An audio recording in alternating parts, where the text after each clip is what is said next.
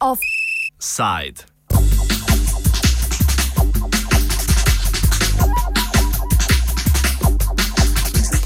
Predsedniške volitve na Hrvaškem. Kolinda Grabar Kitarovič je zmagovalka drugega kroga hrvaških predsedniških volitev. V prvem krogu je bolje kazalo pripadniku trenutno vladajoče socialno-demokratske stranke Ivu Josipoviču. Slednji je tudi prvi hrvaški predsednik, ki mu v drugo ni uspelo ohraniti mandata. Hrvaški voljivci so se odločili za spremembo impotentne leve politike.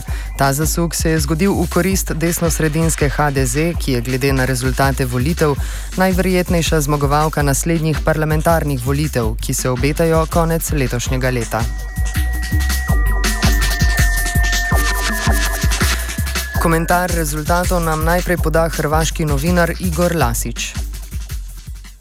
Da, jako iako je sve izgledalo e, na oko jako napeto i, i, i dinamično i zanimljivo možda e, gledano površinski.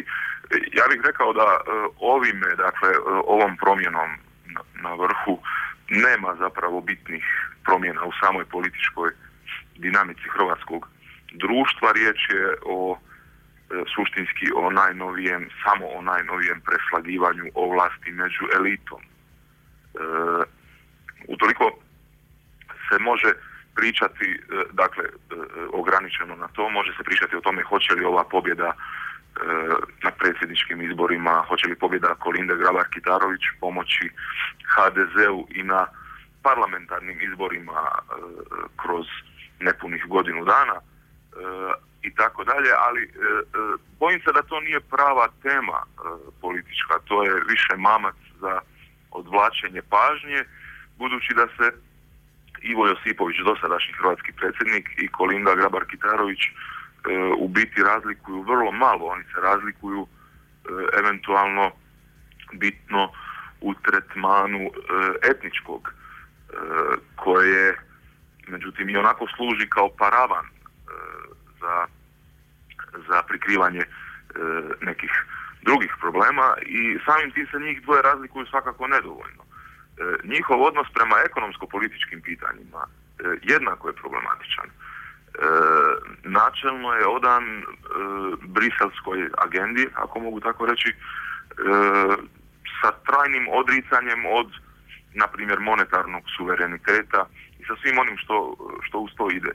Dakle, ne treba se zavaravati kad je riječ o ekonomiji, E, SDP i HDZ, ne samo ovo dvoje kandidata, nego i te dvije stranke su tu strukturno i strateški na istom zadatku i čak je SDP e, u toj podjeli uloga češće onaj e, bad cup, dakle loši policajac ili grubi policajac, bez obzira što je HDZ u pogledu korupcije i evo, zvanično kriminalna organizacija. Ali zaključno govoreći tamo gdje imamo duopol e, ovih dvije stranaka u ovom slučaju, tamo gdje imamo duopol e, i gdje nitko s namjerom ne priča o e, pravom kompleksu problema koji muče zajednicu, tamo nema demokracije. Ne možemo govoriti o demokratskom pomaku zbog toga niti sa ovim izborima, ali eto ne možemo govoriti i o nekoj velikoj šteti, o nekom suštinskom konzervativnom zaokretu udesno i tako dalje i tako dalje. Mislim da e, te stvari se više potenciraju, kažem, radi odvlačenja pažnje sa, sa istinskih problema ovog društva, nego li što su zaista tako, tako fatalne. Kolinda Grabar-Kitarovič je slavila z minimalno prednostjo, saj je proti kandidata premagala za zgolj dober odstotek glasov. Kako ji je v drugem krogu uspelo premagati po prvem krogu favoriziranega Josipoviča, komentira novinar Drago Hedel. Naime, e, uvijek je razlika između prvog i drugog kruga glasanja e, ta da se glasovi e, kandidata koji nisu ušli u drugi krug, u drugi krug podijele među onima iz prvog kruga i to je naravno bio slučaj i u ovom izborima, ali je zanimljivo je to da je da su drugi krug izbora odaziv bio znatno veći nego što je bio u prvom krugu. Tako da su se očito birači jedne i druge strane angažirali maksimalno da prenesu pobjedi svoga kandidata. Čini se da je Kolinda Grabar-Kitarović u tome bila uspješnija jer je dobila izbore i onu malu prednost koju je Sipović imao u prvom izbornom krugu se vrlo brzo istopila. Zanimljivo je i to da je broj listića koji su bili nevažeći dvostruko veći od razlike glasova koju je Kolinda Grabar-Kitarović ostvarila u odnosu na Josipovića. Kao što je poznato, ona je imala oko 32 tisuće glasova više od Josipovića, a broj nevažećih listića bio je 60 tisuća. Dakle, to govori da su dobar dio glasača koji, su išli na izbore praktički svojim glasanjem ni za koga se više poklonio Kolindi Grabar Kitarović nego, nego Josipoviću.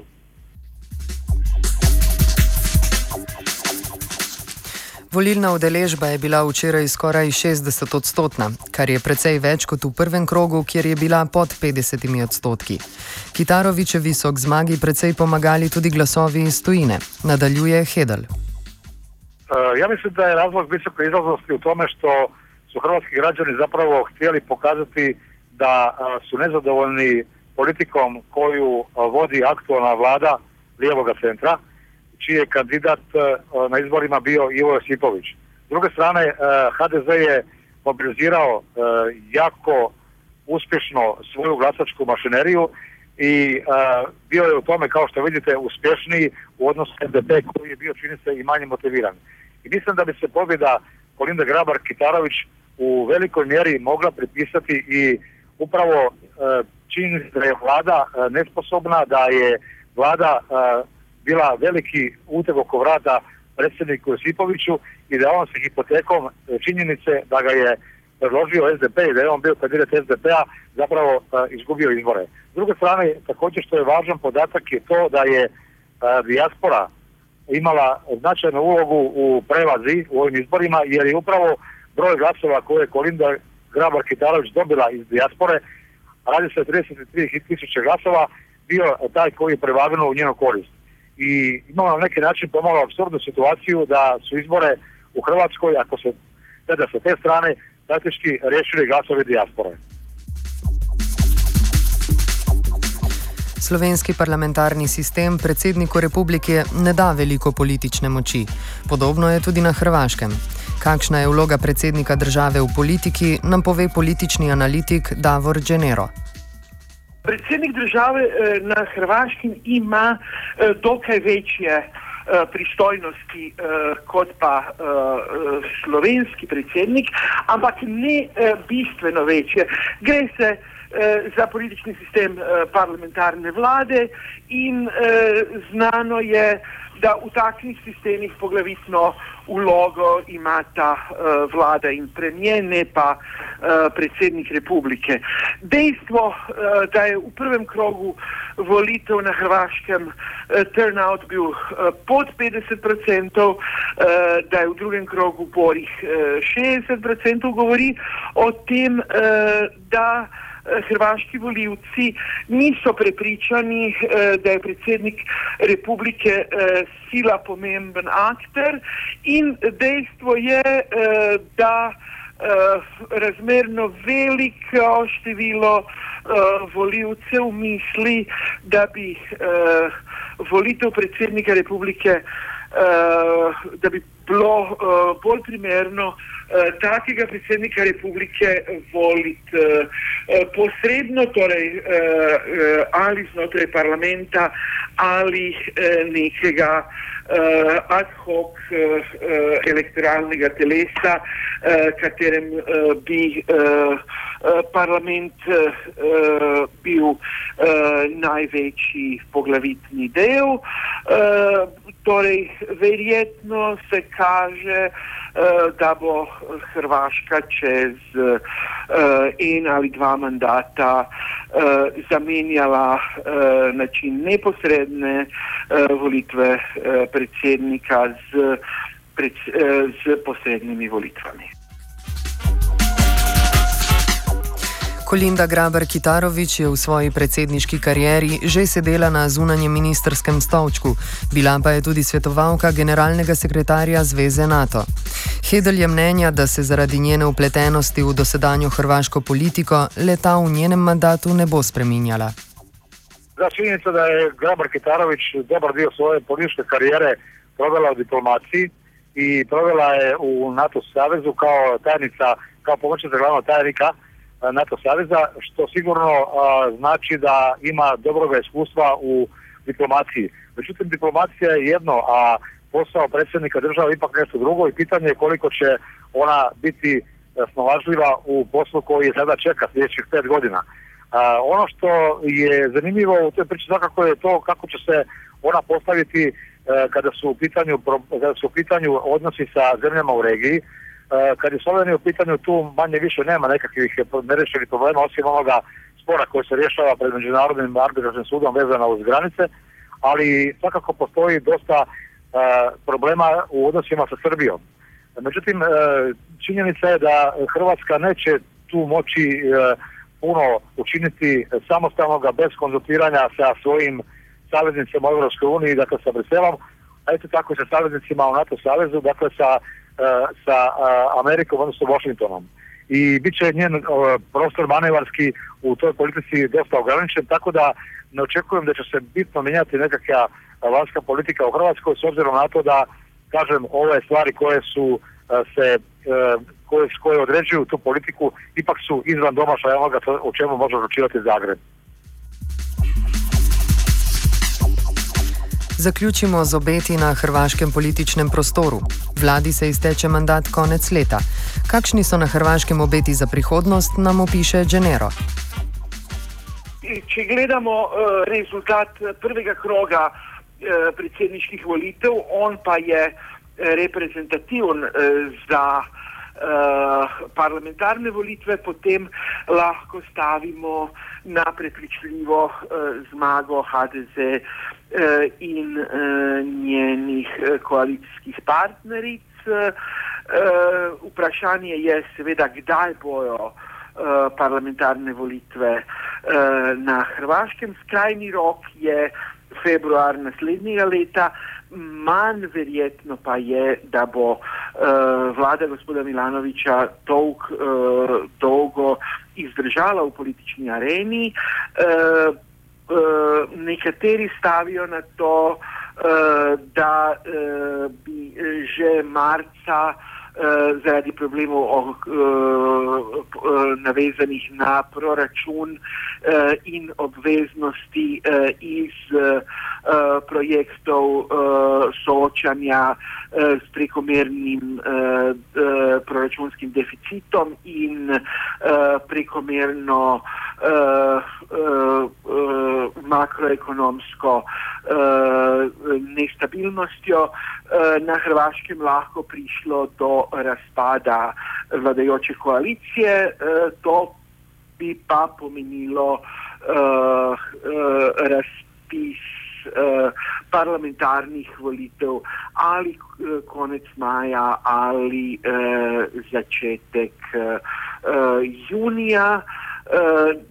Najdalje, uh, dokler ta vlada lahko izdrži, je nekje uh, sreda uh, jeseni tega leta. Uh, proračun za naslednje leto bo sigurno uh, uh, izpisala uh, nova uh, administracija.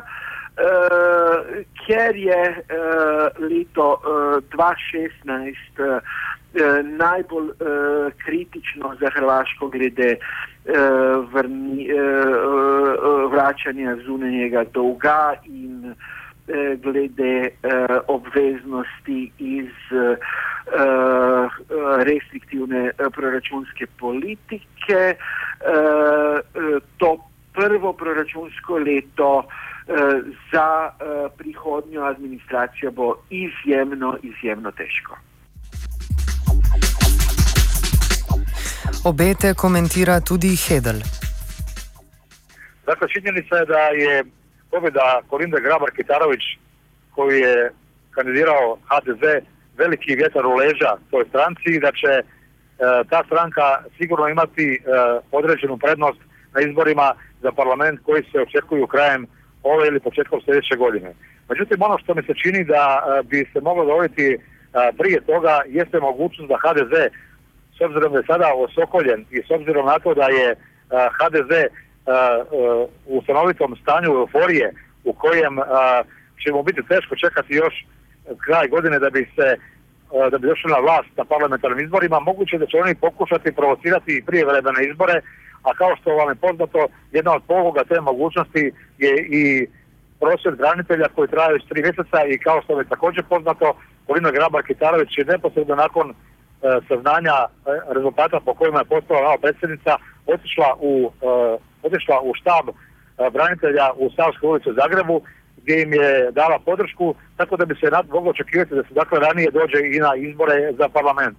Ali kada dođe do tih izbora sigurno će biti važna i ova treća strana, to je dakle onaj dio koji se pokazuje u prvom izbornom krugu gdje su gdje, gdje je alternativna skupina okupljena oko živoga zida pokazala da i ta politička snaga u Hrvatskoj ima određene mogućnosti da sudjeluje u ako ne u samom kredenju vlasti, ono bar da bude nekakav jezičak koji će se prekloniti desnoj ili lijevoj opciji. Tako da pred Hrvatskom u svakom slučaju stoji jedna vrlo zanimljiva politička situacija u ovoj godini.